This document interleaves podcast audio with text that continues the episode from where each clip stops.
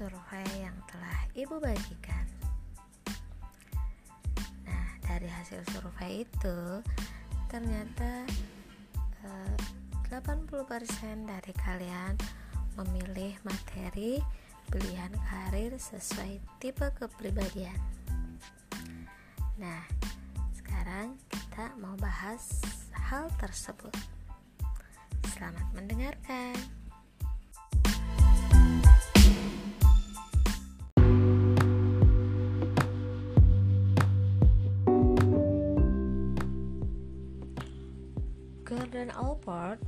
Mendefinisikan kepribadian sebagai suatu organisasi yang dinamis dari sistem psikofisik individu yang menentukan tingkah laku dan pikiran individu secara khas. Sigmund Freud, seorang ahli psikolog, memandang kepribadian sebagai suatu struktur yang terdiri dari tiga sistem, yaitu ego, dan superego. Tingkah laku tidak lain merupakan hasil dari konflik dan rekonsiliasi ketiga sistem kepribadian tersebut.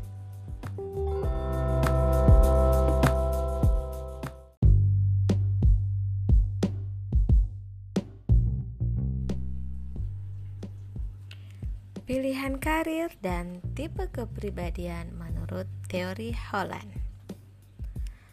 Menurut Holland, ada enam tipe kepribadian yang sangat berpengaruh dalam pola karir yang dipilih oleh seseorang.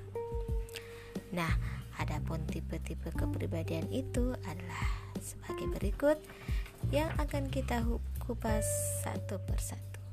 Pastikan kalian menyimaknya dengan seksama. Check it out.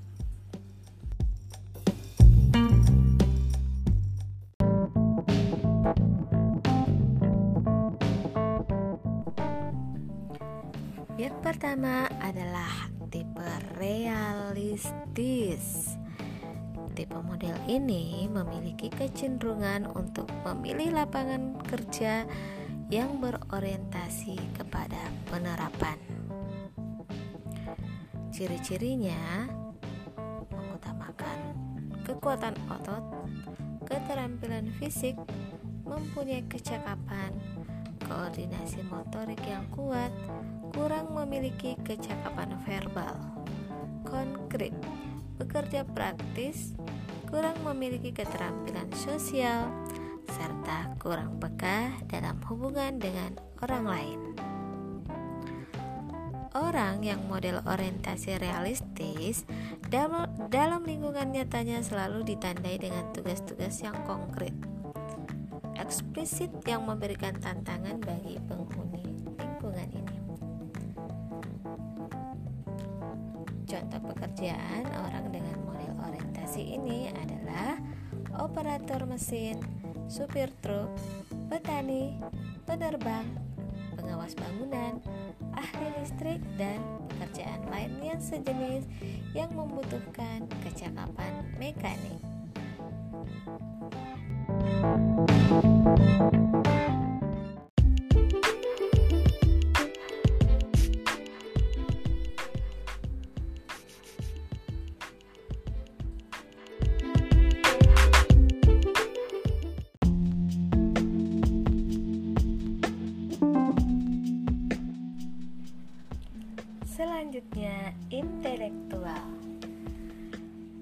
Model ini memiliki kecenderungan untuk memilih pekerjaan yang bersifat akademik. Ciri-cirinya adalah seseorang memiliki kecenderungan untuk merenungkan daripada mengatasinya dalam memecahkan suatu masalah. Berorientasi pada tugas dan tidak sosial. Membutuhkan pemahaman menyenangi tugas-tugas yang bersifat abstrak, memiliki nilai-nilai dan sikap yang tidak konvensional, dan kegiatan-kegiatannya bersifat intraseptif. Orang model orientasi intelektual dalam lingkungan nyatanya selalu tugas yang memerlukan berbagai kemampuan abstrak dan kreatif. Bukan tergantung kepada pengamatan pribadinya. Untuk dapat memecahkan masalah yang efektif dan efisien, diperlukan intelijensi, imajinasi, serta kepekaan terhadap berbagai masalah yang bersifat intelektual dan fisik. Nah, contoh pekerjaan orang dengan model orientasi ini adalah ahli fisika, ahli biologi, kimia, antropologi, matematika, pekerjaan penelitian, pekerjaan lainnya sejenis. keberhasilan dalam melaksanakan tugas bersifat objektif dan bisa diukur.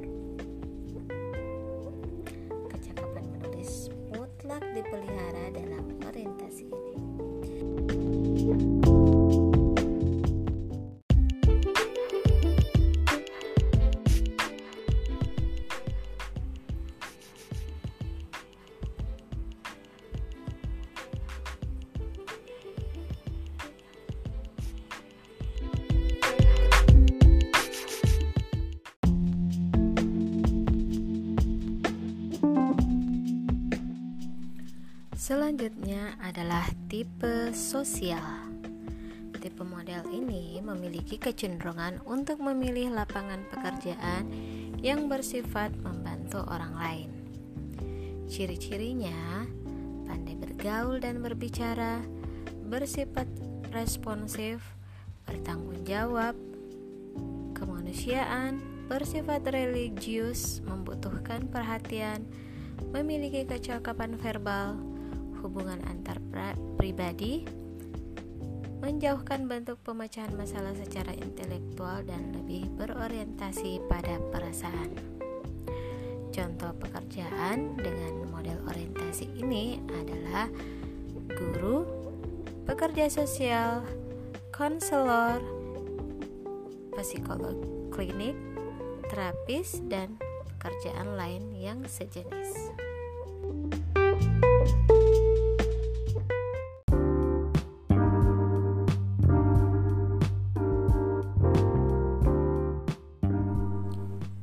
Tipe selanjutnya adalah artistik.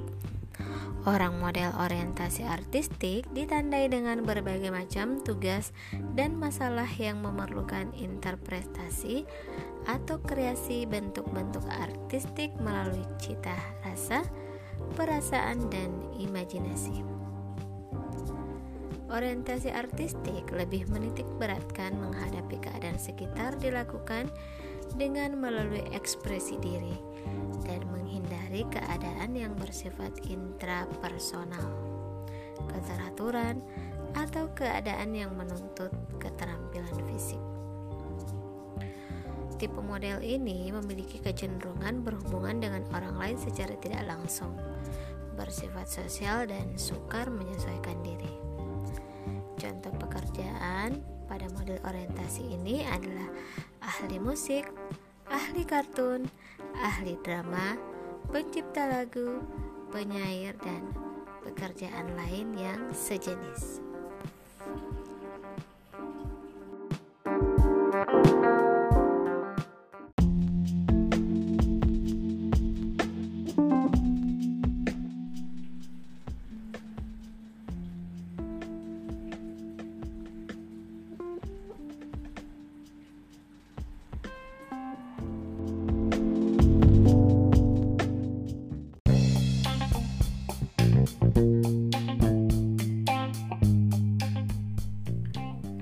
Selanjutnya tipe enterprising atau tipe usaha.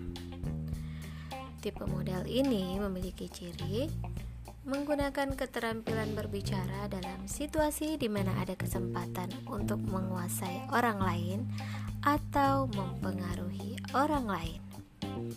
Menganggap dirinya paling kuat, mudah untuk mengadakan adaptasi dengan orang lain, menyenangi tugas-tugas sosial yang kabur, perhatian yang besar pada kekuasaan, status, dan kepemimpinan, agresif dalam kegiatan lisan.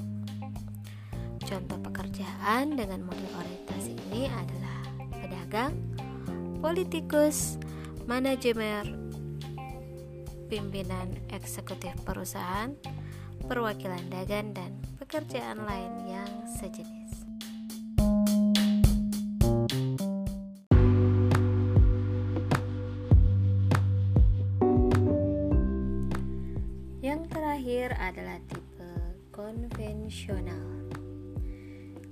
Ini memiliki kecenderungan untuk terhadap kegiatan verbal, menyenangi bahasa yang tersusun baik, numerik yang teratur, menghindari situasi yang kabur, senang mengabdi, mengidentifikasikan diri dengan kekuasaan, memberi nilai yang tinggi terhadap status dan kenyataan materi, mencapai tujuan dengan mengadaptasikan dirinya